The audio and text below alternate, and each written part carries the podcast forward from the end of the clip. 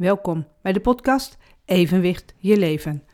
De podcast over ons evenwicht in de breedste zin van het woord, waarin ik allerlei kennis en ervaringen deel over ons fysieke evenwicht en ook ons psychisch evenwicht. En vandaag is uh, seizoen 5, aflevering 7, niet vanzelfsprekend. Het is een onderwerp wat ik best lastig vind om te delen met je. Uh, het is iets wat me ontzettend bezighoudt, waarvan ik vind dat ik me daar niet helemaal moet door laten beïnvloeden. En dat gebeurt dus vanzelf wel. Want na het opnemen van aflevering 6 over dat puzzelen, vorige keer, toen liep ik naar de sportschool. En ik liep lekker buiten. Volgens mij scheen zelfs een zonnetje. En ik besefte ineens dat dat kunnen puzzelen helemaal niet zo vanzelfsprekend is. Net zoals ik drie keer in de week uh, naar de sportschool kan lopen. En dat ik in een mooi huis woon. Uh, dat ik in een prettige buurt woon. Dat ik elke dag iets nieuws mag leren. En dat ik dan zelf kan bepalen wat ik dan wil leren. Daar is niets vanzelfsprekend aan als ik naar de beelden kijk die ik zie over de oorlogen. Over uh, de verhalen van mensen die ontheemd zijn geraakt. Die familie zijn verloren, uh, alles kwijt zijn en eigenlijk alleen maar hun eigen kleding aan hebben. En wat spullen in een koffer, wat ze kunnen dragen. Hoe, hoe leef je dan? Vraag ik me dan af. Ben je dan voortdurend angstig? Uh, voel je je machteloos? Nou, die beelden worden ook wel eens getoond over machteloze mensen die, die het uitschreeuwen van, nou ja, van die machteloosheid. Als je niet weet wat de komende dag gaat gebeuren, ik, ik kan dat niet goed handelen. Want ik weet wel wat ik de volgende dag wil gaan doen en waar ik naartoe wil gaan en afspraken die ik maak, dat ik die kan gaan uitvoeren. Maar met die beelden, met die verhalen, dat, kan ik niet goed handelen. Want die zie ik terwijl ik zelf in een stoel zit, s'avonds, voor de televisie. Dan gaat het journaal aan. Dan zit ik in een luxe stoel met een warme sjaal om me heen. Uh, kopje thee naast me. Wetend dat ik dan straks naar bed kan gaan en rustig zou kunnen slapen. Of niet, want ik lig ook heel vaak wakker. Maar dan lig ik wel lekker warm, lekker zacht. Uh, en als ik opsta, dan zijn het maar een paar passen en dan kan ik zo naar de wc. Dan kan ik douchen met een schone handdoek. Ik kan me afdrogen. En in de keuken is dan genoeg eten, schoon drinkwater, dat is niet vanzelfsprekend dat dit allemaal bereikbaar voor me is. Is het dan beter dat ik eigenlijk geen journaal meer kijk? En ook die, die foto's uh, bekijk in de krant en de artikelen daarover lees. Want ik denk wel eens van ik kan beter stoppen met, uh, met journaal kijken en krant lezen. Het zou veel beter zijn voor mijn gemoedsrust. En ik denk niet dat die beelden mij wakker houden s'nachts. Als ik de, niet in slaap kan komen en zo. Want het lijkt alsof ik daar niet mee bezig ben. En toch, als ik terugkijk in mijn schriften, waar het creatief schrijven, waar ik nou, regelmatig wel in schrijf, dan gaat het heel vaak over die oorlog, over, over die onmacht. Om, omdat ik er gewoon eigenlijk niks van begrijp.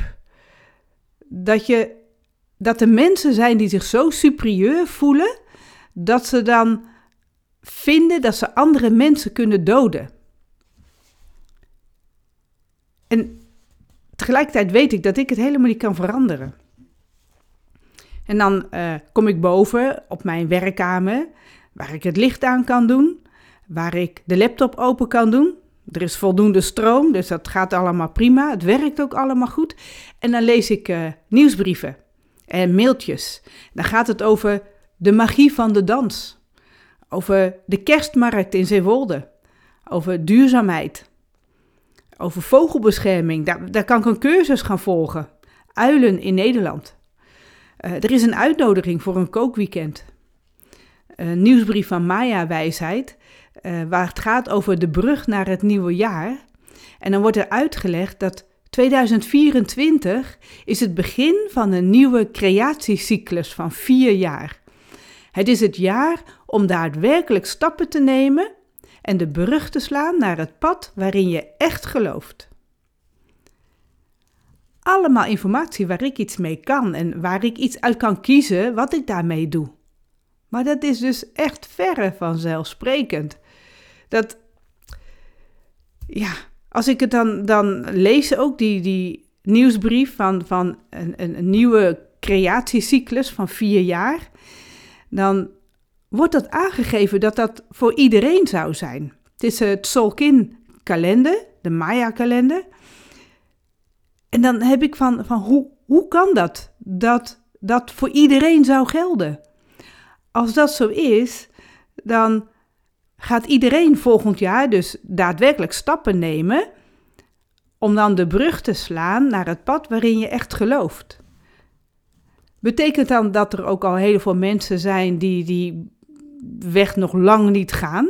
Want al die mensen die dat al wel doen, gaan die dan weer een nieuw pad inslaan of zo? Het, ik vind het steeds moeilijker om die uitspraken, om, om dat soort, ja, uh, uh, ja dat, dat soort zinnen, dat soort regels, uh, om dat voor waar aan te nemen. Ik vind het heel mooi om te lezen en tegelijkertijd ben ik er meteen kritisch op.